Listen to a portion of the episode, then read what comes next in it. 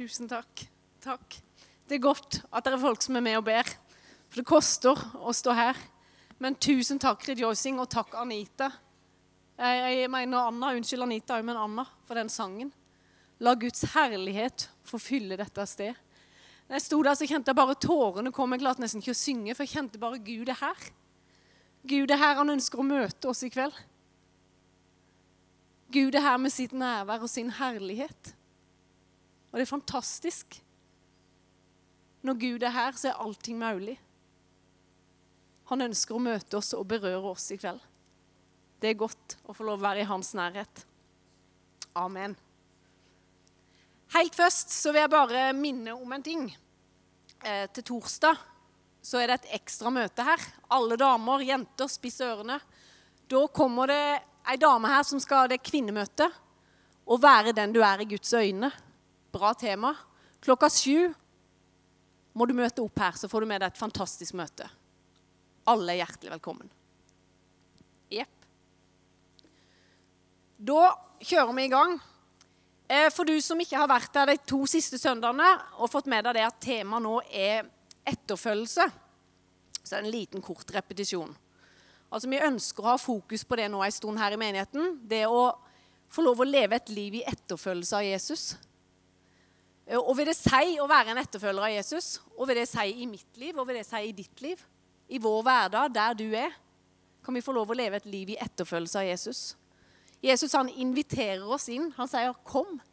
Har du lyst? Vil du følge med?' Um, I et liv i etterfølgelse der han får lov å fullføre sin hensikt med ditt og mitt liv.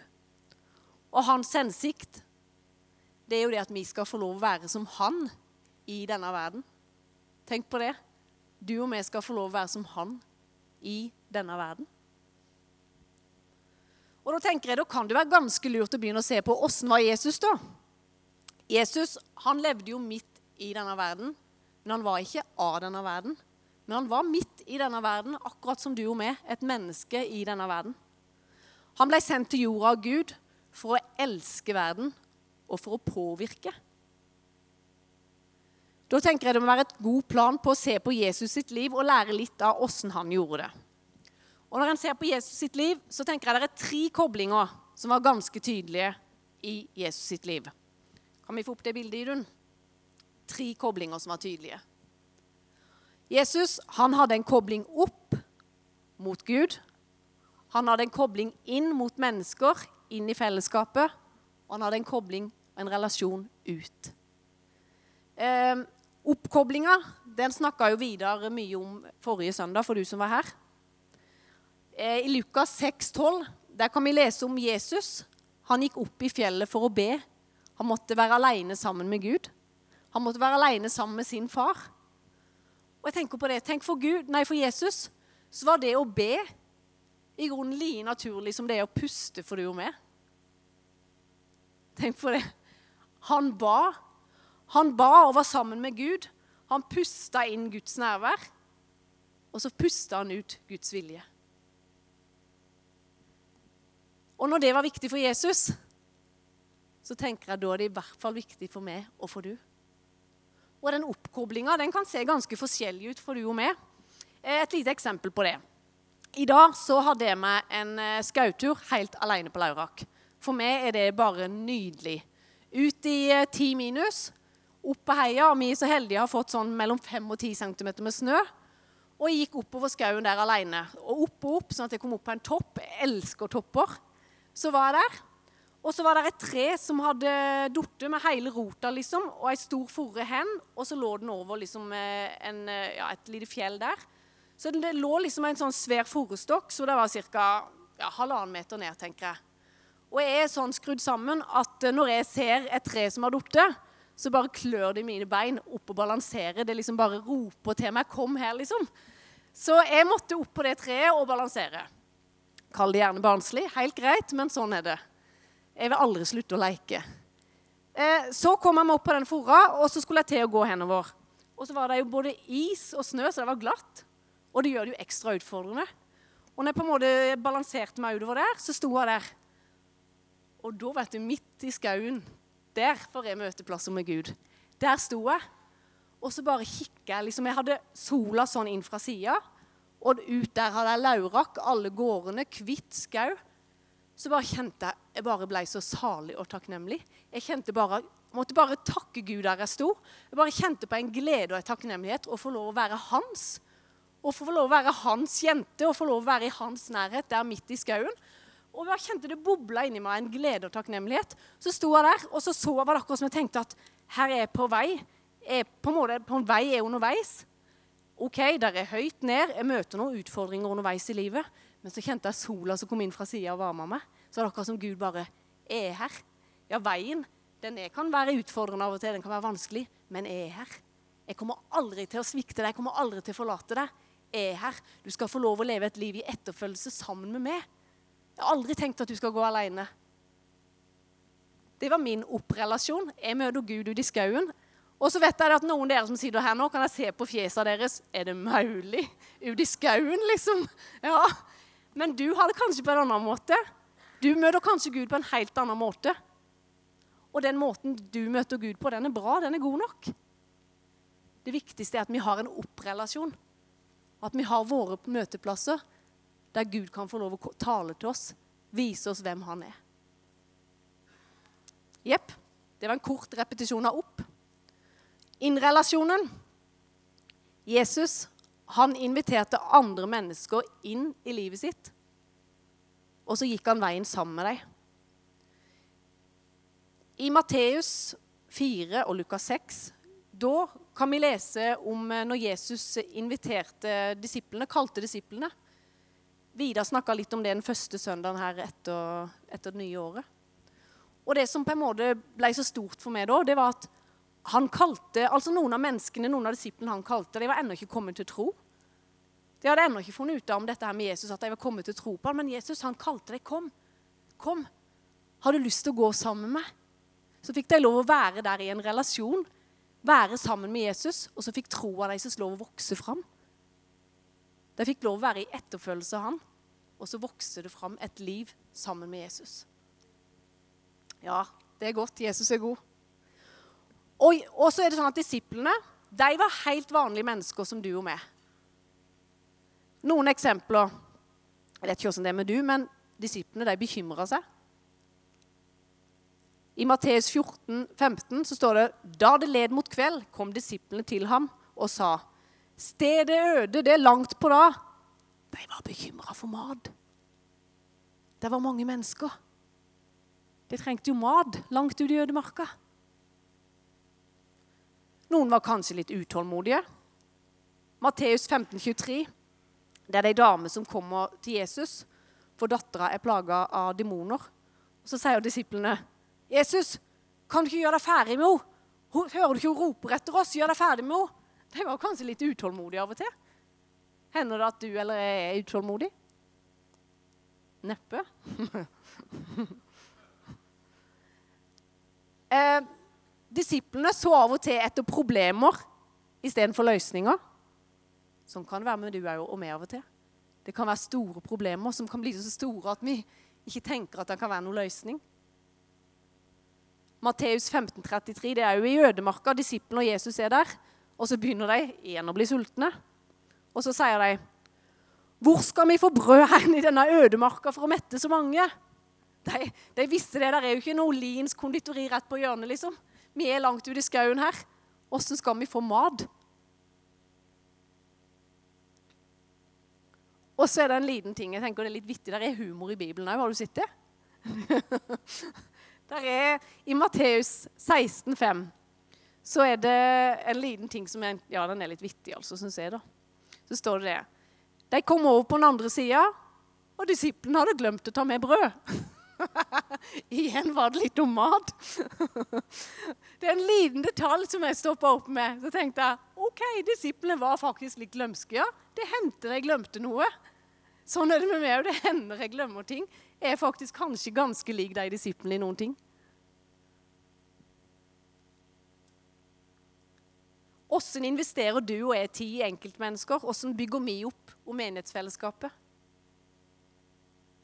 Gud ønsker å ha oss med på laget, sjøl om det er feil og mangler i våre liv. Men så er det jo det som er så fantastisk. Om vi er alminnelige mennesker, så trenger vi sårt Guds nåde. Og så er det sånn at hans kraft, den fullendes i vår skrøpelighet. Det er godt. Det er godt å vite. Bibelen sammenligner disipler og etterfølgere med kar av leire som er sprukkete. Skrukkete, ikke skrukkete, men sprukkete. Sprukne. Det er lov å være skrukkete òg.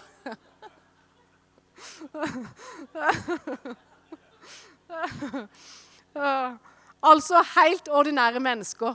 Men det er én forskjell, og det er en stor forskjell. At Gud, han har tatt bolig i oss. Vi er bærere av en skatt, folkens. Vi er bærere av en skatt i leirkar. Guds rike bor i alle som har tatt imot ham. Det er litt av en skatt som vi kan få lov å bære med oss der vi er i vår hverdag. Jepp, det var litt om inn-relasjonen. Så er det den som jeg skal konsentrere meg mest om i dag, som jeg gleder meg til å snakke om. Og det er ut-relasjonen. Jesus, han var ute blant folket. Han satt ikke bare inne og venta på at å, håper det kommer noen mennesker til meg da. Lurer meg på om det dukker opp noen. Kanskje det er noen som har lyst til å inn til meg. Nei, han var ute. Midt i verden, der var han ute. Han underviste, han delte ut mat, han trøsta, han hadde samtaler. Veldig mye spising i Bibelen, har du lagt merke til det? Han spiste med folk, og han helbreda. Og det står ikke noen plass i Bibelen, men jeg velger å tro det, at Jesus han trente med folk. Det tror jeg. For de hadde ikke noen biler på den tida, vet du. Og jeg er sikker på Hadde Jesus hatt skritteller på seg, så hadde han gått langt over 10 000 skritt om dagen sammen med mennesker. Han var mye sammen med mennesker. Han hjalp mennesker der det var behov. Som Vidar snakka om eh, for 14 dager siden, så er Guds hensikt med våre liv at vi skal få lov å være som Jesus i denne verden. Og da er jo det oppforholdet veldig viktig. For hvis jeg bare tar meg en tur ut i egen kraft og tenker at jeg skal fikse alt sjøl, så er det ikke så veldig mye bra som kommer. det skal jeg love deg. Men fordi at jeg får lov å være i Guds nærvær, bli prega av Han, være sammen med Han, så Han kan vise meg alt det Han har for meg. Han kan gi meg alt det som ikke jeg har. Ja, Gud har aldri ment at vi skal fikse dette livet sjøl. Men han vil at vi skal bli avhengige av han, så han kan fylle oss opp, så vi kan få lov å bli lik han i denne verden. Og det syns jeg er så befriende. Vi hadde ei samling på, på Laurak her for litt siden. Og da ble det litt vittig for meg. Jeg har fått lov av Vidar å si dette, altså, så ikke noen tror at jeg står her og snakker om han når han er i Stavanger på konferanse. Jeg har fått lov for det. Det ble veldig vittig. For han snakka om det at eh, det er så viktig å ha det oppforholdet til Gud. Og hvis du ser, du som kjenner Vidar, han som er hovedpastor her i menigheten, du som kjenner han, så må du se han for deg, for han har jo veldig mye kroppsspråk. Han bruker veldig mye sånn og forklarer og snakker. Så han sa der på Laurak, så sa han det der oppforholdet er så viktig, så ikke det blir sånn at vi løfter oss etter håret. Men greia er jo at Vidar har ikke noe hår. Så når, så når, han sa det sånn, så ble det veldig vittig for meg. Men det var et veldig bra bilde, for det nytter ikke å løfte seg etter håret. Og det klarer i hvert fall ikke Vidar. Nei.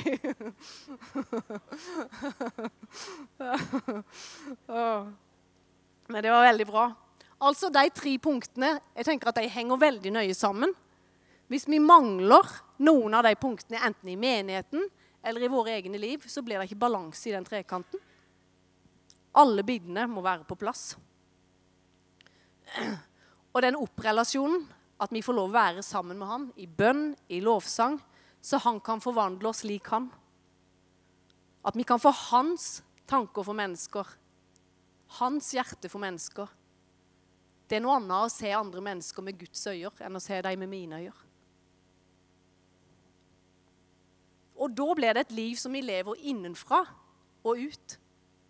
Og det er noe helt annet enn det å løfte seg etter håret. Og så er det så bra, for Gud han har skapt eh, alle oss mennesker forskjellig. Han har gitt oss evner, han har gitt oss talenter, han har gitt oss gaver. Så om du liker å snekre om du er god med hammeren, så kan du få lov å ære Gud med det der du er. Der du er i din hverdag. Om du er god med data, og det er noe du holder på med og trives med, så kan du gi Gud ære med det der du er. Om du er på skole, om du er på idrettsbanen, og henne du er, så kan du få lov å ære Gud akkurat der du er. Evnene du har fått, kan du bruke for andre der du er i din hverdag, og så kan du ære Gud. I misjonsbefalingen i Matteus 28 så gir Jesus et oppdrag til oss. Og det er først og fremst, jeg kan tenke Det er litt rart du som jobber i menighet sier dette, men det er først og fremst ikke en haug med aktiviteter Gud har kalt oss til å gjøre. Eller faktisk ikke først og fremst å bygge menighet.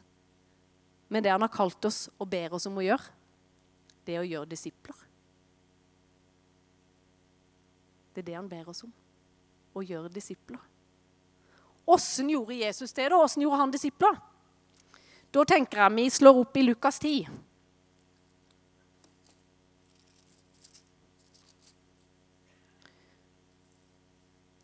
Der er det Når eh, de 70 blir sendt ut, så står det Etter dette utpekte Herren også 70. står det, Skrives det 70? Jeg sier 70, men det står 70. Ja. Et, ikke skrivefeil i Bibelen, altså. Etter dette utpekte Herren også 70 andre, og han sendte dem foran sitt åsyn, to og to til hver by, og hvert sted hvor han selv skulle komme. Så sa han til dem, høsten er i sannhet stor, men arbeiderne er få. Be derfor høstens herre at han vil drive arbeiderne ut til sin høst. Gå av sted, jeg sender dere ut som lam midt iblant ulver. Ta ikke med verken pengeveske, sekk eller sandaler, og hils ikke på noen langs veien. Men i hvert hus dere kommer inn, skal dere først si, Fred være med dette hus. Hvis det ikke er et fredens barn der, skal deres fred hvile Nei, hva sa jeg nå? Hvis det er et fredens barn der, skal deres fred hvile over det. Hvis ikke skal den vende tilbake til dere.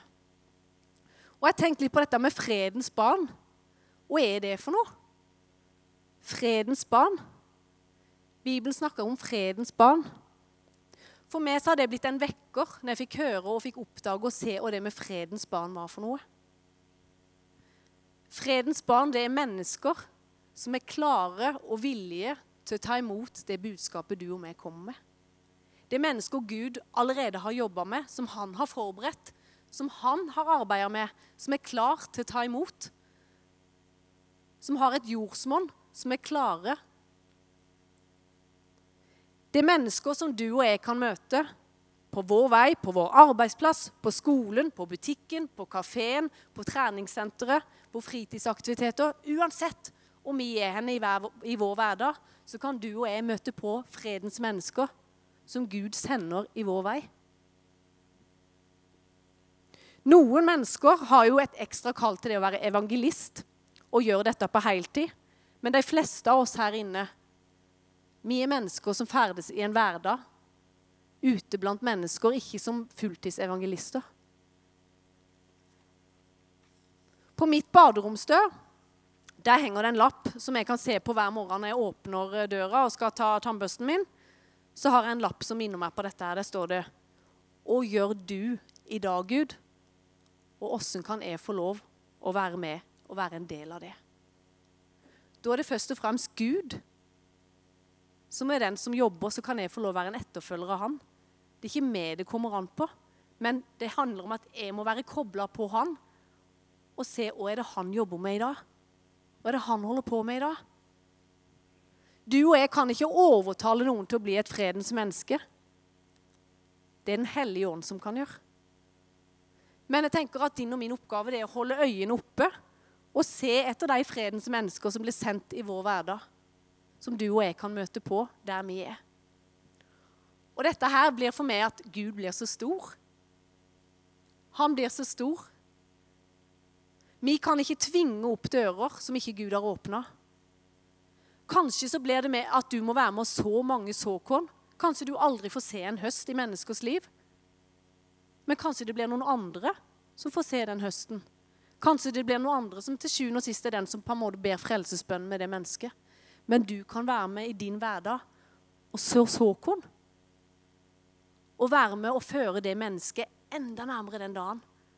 Som at det er klart til å ta imot Gud. For det er kun Den hellige ånd som kan overbevise mennesker. Mine ord kan ikke. Jeg kan ikke. Men jeg kan få lov å gå og være der som Gud jobber. Være med på hans plan. Paulus han møtte jo faktisk eh, et fredens menneske når han satt i fengsel. Fangevokteren. Paulus og Silas de satt i fengsel. Ikke akkurat oppløftende og positivt å sitte inne i et fengsel. Men midt i de omstendighetene så valgte Paulus og Silas å begynne å takke Gud. Det er ganske spesielt. Og det er forbilledlig når du og jeg har det vanskelig, er i tøffe omstendigheter klarer det å faktisk takke Gud midt i de stundene der. De begynte å synge lovsanger midt på natta, og så står det i Bibelen at det kom et jordskjelv. Og lenkene falt av fangene, og dørene åpna seg midt på natta der. Og fangevokteren han fikk jo selvfølgelig panikk, og det forstår jeg. Og er alle fangene blitt av? Han ville til å ta livet sitt, men da roper Paulus, 'Ikke gjør deg noe ondt, vi er her alle sammen.' Og fangevokteren eh, responderer med å rope tilbake, 'Herrer, hva skal jeg gjøre for å bli frelst?' Og midt i fengselet så møtte Paulus det fredens menneske som Gud hadde forberedt. Og det er faktisk Gud som gjør mesteparten av jobben, tenker jeg. Men akkurat som Jesus alltid var kobla opp mot Gud, så handler det om at du og vi må være kobla opp mot Gud i vår hverdag. Ha et fellesskap med Han. Det går an å snakke med Han, høre fra Han, Be Han lede oss, vise oss vei. Be Han hjelpe oss å holde øynene oppe for når Han sender fredens mennesker i vår vei. Og da, for meg, så har det der med misjon, evangelisering og tjene andre Jeg har altså en lengsel og lyst at det skal bli en livsstil. Ikke noe som bare er for noen mennesker, men at det skal bli en livsstil i mitt liv. At jeg søker Gud. Gud, hvem fredens mennesker sender du min vei i dag? Hvem kan jeg få lov å bety en forskjell for i dag, Gud? For det du bor i meg. Da er jeg bærer av en skatt som andre mennesker kan få lov å smake på igjennom mitt liv. Åssen vet vi da hvem som egentlig er fredens mennesker? Åssen kan vi finne ut av det? Igjen henviser jeg til trekanten. Så kan vi spørre Gud og henne er der åndelig åpenhet. Gud og henne er der åpent. Så tenker jeg noe så konkret som å Hvem mennesker opplever du i din hverdag at er interessert i livet ditt, har lyst til å henge med deg? Ber deg på kaffe, ber deg hjem? Som du merker at å, her er det en god relasjon, her er det lett å ha en relasjon. Han eller hun er det lett å prate med, er det lett å være sammen med. Kanskje akkurat han eller hun er noen som Gud har sendt som fredens mennesker i din vei, som du kan ha en påvirkning på som du kan være bærere av Guds rike inn i deres liv. Mennesker som vi kjenner at de egentlig gilde å være sammen med. Her er det spennende. De kontakter deg kanskje for noe. Da begynner det å bli spennende. Spennende å se hva Gud holder på med, og få lov å være en del av det.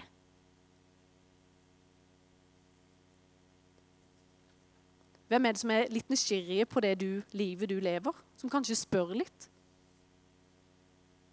Jesus han advarte faktisk disiplene om å ikke bli distrahert av de som ikke var klare til å ta imot budskapet ennå. For vi vil møte på de som ennå ikke er helt klare.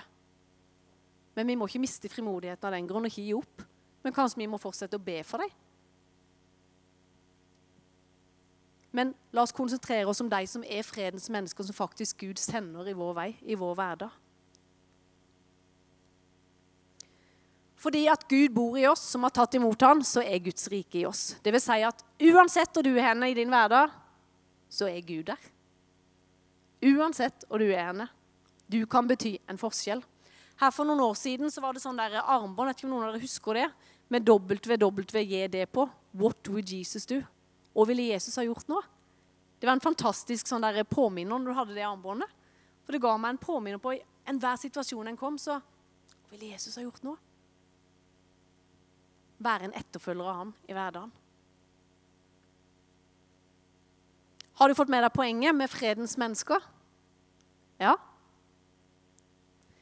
Fredens mennesker de kan vi møte både på det en kaller en sprint, for du som er inne i det språket der, sprint eller et maraton. Ok, Først vil jeg si litt om en sprint. Sprint det kan være kortvarige relasjoner. Noen av dere er kanskje mye ute og flyr. Det kan være på en flyplass, på en flytur, på en busstur, når du er innom butikken, i køen på butikken, når du er en kjapp tur innom eh, et kjøpesenter. Uansett sånne der plasser du er oppholder deg ganske kort. Der kan òg Gud gjøre sånn at vi møter fredens mennesker. Gud kan bruke oss til å føre deg nærmere det tidspunktet som de kanskje vil ta imot han. Det er ikke sikkert at du akkurat på de korte sprintene opplever at mennesker tar imot og sier ja til Jesus. Noen gjør det òg. For, for meg så er jo eh, dere som kjenner Kjell Haltorp Han er jo et stort forbilde på det å ha de der sprintene der han bare på alle slags plasser får bedt til frelse med mennesker. Det er jo helt rått. Flyplasser, han, eh, han har virkelig bedt til frelse med folk på flyplasser. Ja. Så ikke, jeg sier jo ikke at det ikke kan skje, for det kan det. Men kanskje, hvis ikke du opplever det, så ikke mist motet og ikke sett smått på det du gjør. For det kan være at du kan bli bare minnet om ting. Altså Gud han kan gi oss tanker, han kan gi oss ord som kanskje du kan være en, en som bringer hilsen til en midt på en flyplass, på en buss, en som oppmuntrer en på bussen. Når du er på butikken, kanskje du er en som skal betale noe for en på butikken. En kaffekopp når du som er student, på en kafé. Små ting gjort i kjærlighet kan være med å lede mennesker nærmere Gud. Vi jobber for noe som er større enn oss sjøl. Vi får lov å være etterfølger av Jesus, som bare var rundt og gjorde godt.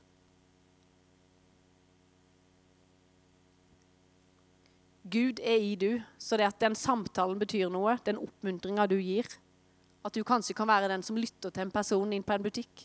En trenger noen å prate med. Jeg hørte om en person. Har noen av dere her inne hørt om Johannes Amritsa? Noen av dere? Ja. Jeg hørte en historie at han var på vei hjem fra en reise. Eh, han skulle bare mellomlande på en flyplass. Og så ble det veldig vind, som gjorde at eh, ikke kunne få letta igjen på den flyplassen. Så han måtte bli der på den flyplassen på et hotell der over natta. Eh, det var sju menn som ikke kjente hverandre, som skulle til samme by, og som alle sammen kom i denne situasjonen, da, at de måtte bli ei ekstra natt der. Helt ufrivillig. Eh, de sjekka inn på, eh, på hvert sitt hotellrom, og så kom de fleste ned i, eh, i lobbyen det heter. Ja. Jeg drev inn i dette. Ned i lobbyen der, for de hadde fått utdelt sånn matkuponger, så de skulle ned og spise. Og siden de var sju menn som var i samme situasjon, så fant de ut av at de kunne jo kanskje sitte med samme bord istedenfor å sitte sånn spredt rundt forbi. Så de satte seg med samme bord og skulle til å spise mat. Så er det en av de som sier Eh, ja vel, vi kan vel kanskje presentere oss for hverandre. Og så skal vi nok over, overleve denne kvelden òg. Vi er jo på en måte i samme situasjon, så vi overlever vel dette. Så kan vi presentere oss for hverandre. Og praten den gikk rundt bordet, og de tok runder da, én etter én og begynte å fortelle og fortalte om sine titler, og, og praten gikk mens de satt der og spiste. Så kom turen til Johannes. Så sier han Ja, liksom de lurte på hva han jobba med, da. Eh, jeg er prest for de som ikke går i kirka. så ble det helt stille. Og så var det liksom en som brøyt, han som på en måte var lederen litt her, da, som hadde tatt initiativ til dette måltidet. Han eh, brøyt stillheten, så begynte han å le, og så Ja, den var god, du. Den var bra. Men eh, hva er det egentlig du driver med? Jau, sa han. Han lo tilbake og sa jeg skjønner at du syns dette er rart, men eh, det er jo egentlig så mange prester for de som går i kirka. Så jeg tenkte jeg kunne være prest for de som ikke går i kirka. Forresten, går dere i kirka? Eh, nei, det gjorde de jo ikke. Nei, kanskje jeg kan være litt prest for dere, da. og, så, og, så, lo de. Og så fikk de den kvelden sitte der. Og på en måte med at han åpna sånn, på en sånn måte med humor, så vant han deres tillit. Og de begynte å stille spørsmål, og de undra seg på ting. Og han var en av dem, men han vant deres tillit. Og han fikk lov å være som Jesus i denne verden, med å sitte der den kvelden og prate med dem. De spurte om ting. Og til slutt, når de på en måte kvelden var over og de skulle opp hvert til sitt hotellrom, så var, sa, var det en som kom og klappa han på ryggen og sa han, ja, i grunnen så er du blitt min prest nå. Tenker jeg det er kult. Han midt der i den situasjonen så fikk han lov å være en etterfølger av Jesus. Og bare være et, være et medmenneske som både lytta til det de hadde å komme med, men òg fikk lov å være lys og salt og påvirke. Det kan jeg like. Han sa det at uh, han brukte et språk som de forsto. Han viste at han var interessert i deres liv der de var. De fikk lov å komme med spørsmål. Han lo med dem. Men han lo ikke, han lo ikke en humor som på en måte spilte på sex eller baktalelse. Men han lo med dem der han syntes det var, var gilde ting. Han sa jo det at uh, i møte med denne verden så vil vi kjenne på at vi som har tatt imot Jesus, at det er verdier som på en måte skurrer i forhold til de holdningene og verdiene vi har, og de holdningene og verdiene mennesker som vi møter, har. Men nå snakker han om det at det er så viktig når jeg møter mennesker som jeg kjenner at dette her nesten trigger meg litt, at det går an å tenke så dumt eller gjøre så dumt.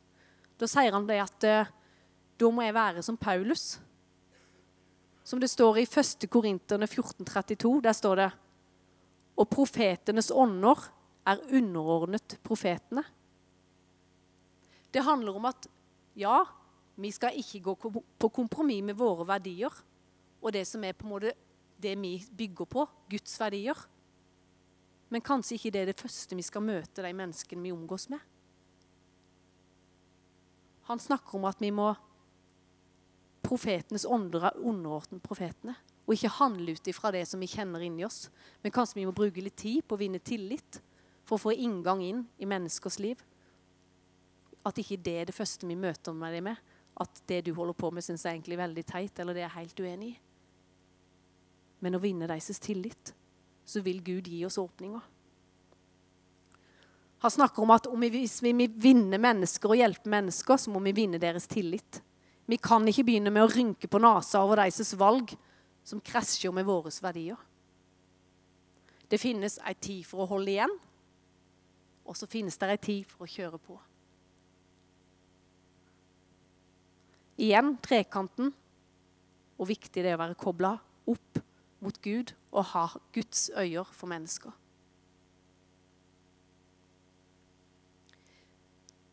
Henger du med?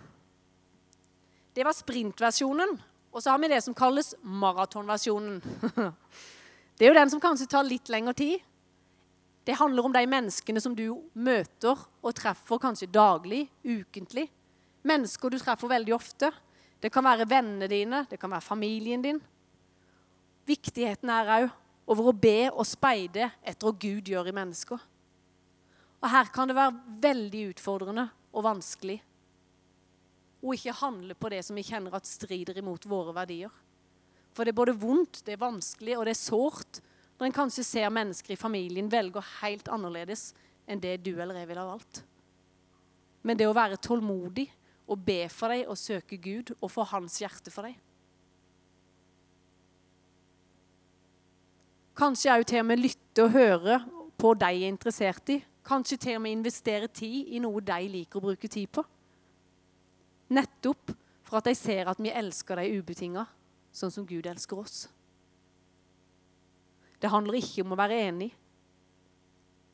men det handler om å vise dem ubetinga kjærlighet, sånn som Gud gjør i møte med oss. Og så er det en ting som jeg syns er så godt å minne hverandre på. At Gud, han har aldri hastverk, og han kommer aldri for seint. Du og vi kan være utålmodige som disiplene var. Men Gud kommer aldri for seint.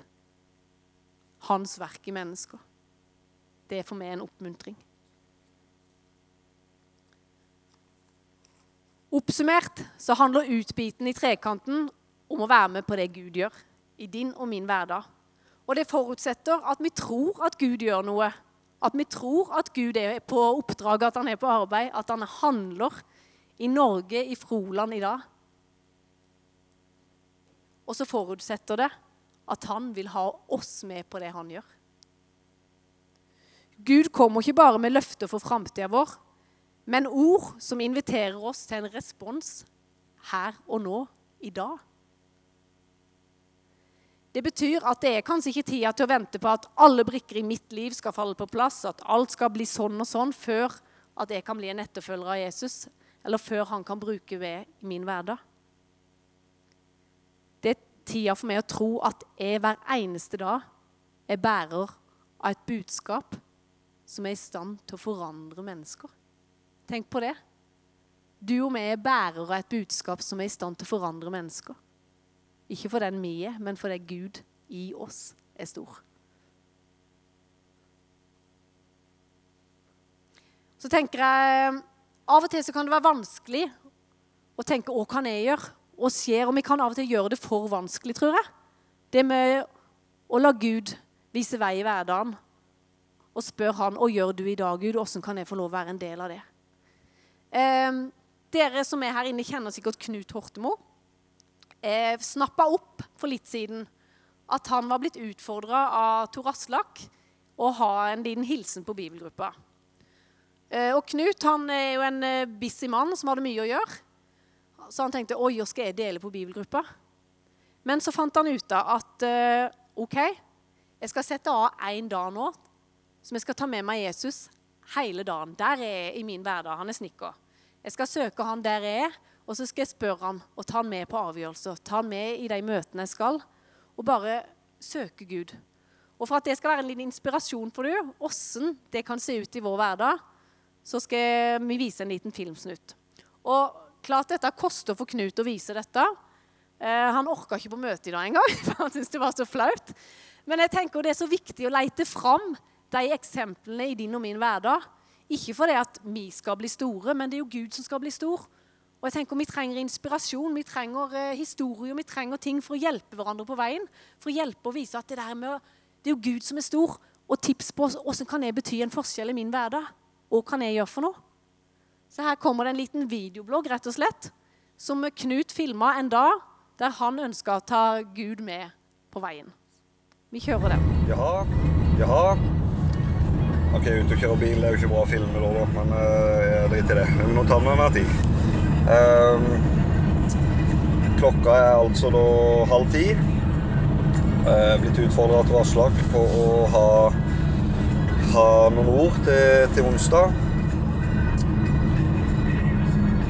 Ser det blir utfordrende å få satt seg ned og, og, og rett og slett uh, lest og forberedt noe, så jeg tenkte jeg skulle prøve et eksperiment. Og det er at i dag så skal jeg prøve å ha med meg Jesus i alle valgene jeg tar. Jeg skal prøve å Prøve rett og slett å ha han med meg eh, når jeg treffer folk, når jeg møter folk, i avgjørelser jeg tar, i valg jeg tar. Eh, og se om dagen min blir litt annerledes. Og se om det kan komme noen interessante samtaler, og hvem vet hva dagen bringer. Eh, blir gøy å se. Jeg skal altså da nå opp og levere materialet til Philip, få en prat med han, og så skal jeg ned og trene, tenkte jeg. Så får vi se om det er noen der som som det kan bli noen bra samtaler med. Over og ut. Da er jo første tingen å gjør, det er å få skrudd av den radioen. Du kan kjøre på popmusikk. Jeg eh, har ikke lovsang i bilen, men jeg tenkte litt stillhet. Jeg eh, kjører en bønn nå før jeg kommer opp til Philip. Eh, prøver å liksom tune inn litt. Kjære far, nå ber om at den dagen som, som kommer nå, at du må gjøre meg ekstra, ekstra, på vakt overfor å på en måte se de muligheter som kan dukke opp i forhold til møte med mennesker. Så ber jeg om at uh, i dag så skal jeg i forskjellige møter og ting og tang og avgjørelser som kan være litt viktig for ting framover. At du må være med meg i de prosessene. At, uh, at de valgene jeg tar og de avgjørelsene jeg tar, er noe som, uh, som jeg føler at jeg har du med meg i. da. I dag skal jeg på møte på sykehuset og treffe masse folk. Jeg skal i jobbmøter, jeg skal eh, ned og tre. Jeg kommer til å treffe masse mennesker. Jeg ber om at du liksom må la hjertet mitt være åpent, at du lar meg møte mennesker. Og være ekstra på vakt, så jeg kan på en måte se dem og, og leite etter muligheter hvis det er noen. Eh, så bare legger jeg dagen i dine hender, og så håper jeg at du kommer med noen klinkende utfordringer og får satt meg skikkelig på prøve. Eh, Amen. OK. Her er liksom Ja, nå er det Nå er klokka fem over halv ti. Og jeg begynner å kjenne hjertebank fordi jeg skal opp og treffe Philip og gi han noe materiale. Um, dette blir spennende, altså. Um, så får vi se. Philip er kristen, det vet jeg, men, uh, men uh, Vi har prata litt om, uh, om, dette før. Jeg er spent om jeg klarer å finne en inngang på den korte tida jeg har, siden jeg egentlig har tenkt å trene klokka ti. Snakkes! I bilen igjen. Klokka er da 9.52. Litt seint ute til trening. Men jeg fikk prata litt med Philip. Veldig vanskelig å finne en naturlig inngang. Men vi var i bryllup eh, sammen i sommer til broren. Og der har uh, farsida Fortalte Philip meg nå, Farsida der, den er kristen. Uh, for der var det mange taler som hadde litt sånn uh, Som snakka om Jesus. Så det var inngangen da, for å liksom preke litt med han. Så jeg hadde jo selvfølgelig ikke tid til å, å preke så mye mer. Men eh, kanskje han eh, fikk en liten tanke, og skal jo opp til han etterpå, så kanskje en får fortsette. Men veldig rart. Over ut. Da vi kommer inn på crossfiten. Skoen blir igjen i bagen. Vi kjører på i god tro.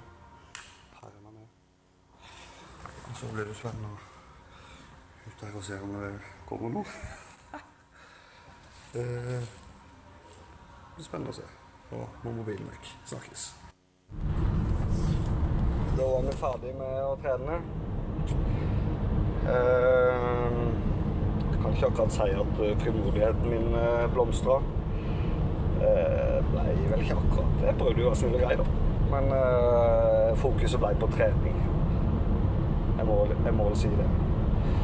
Så nå er det å tune inn igjen og se etter nye muligheter. Um, ja.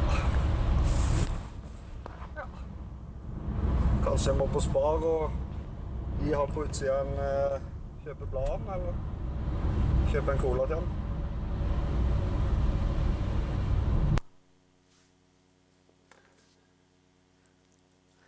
Veldig bra.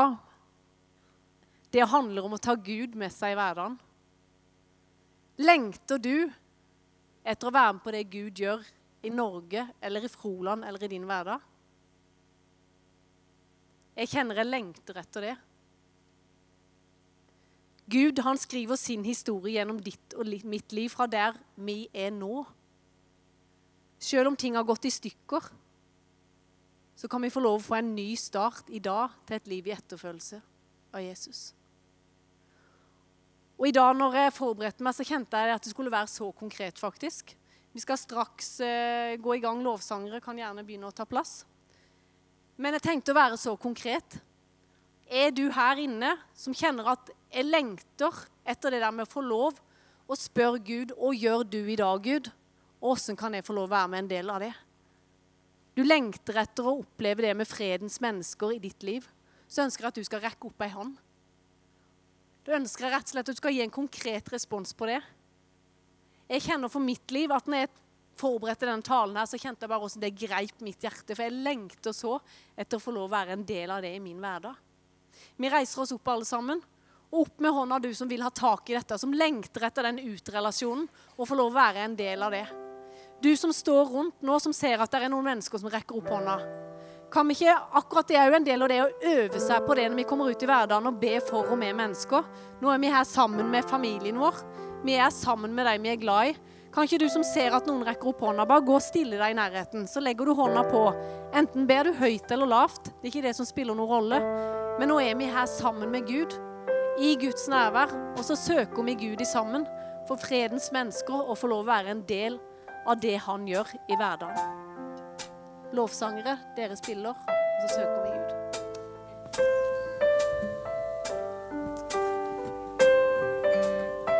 Frimodig, og så be for deg du står i nærheten.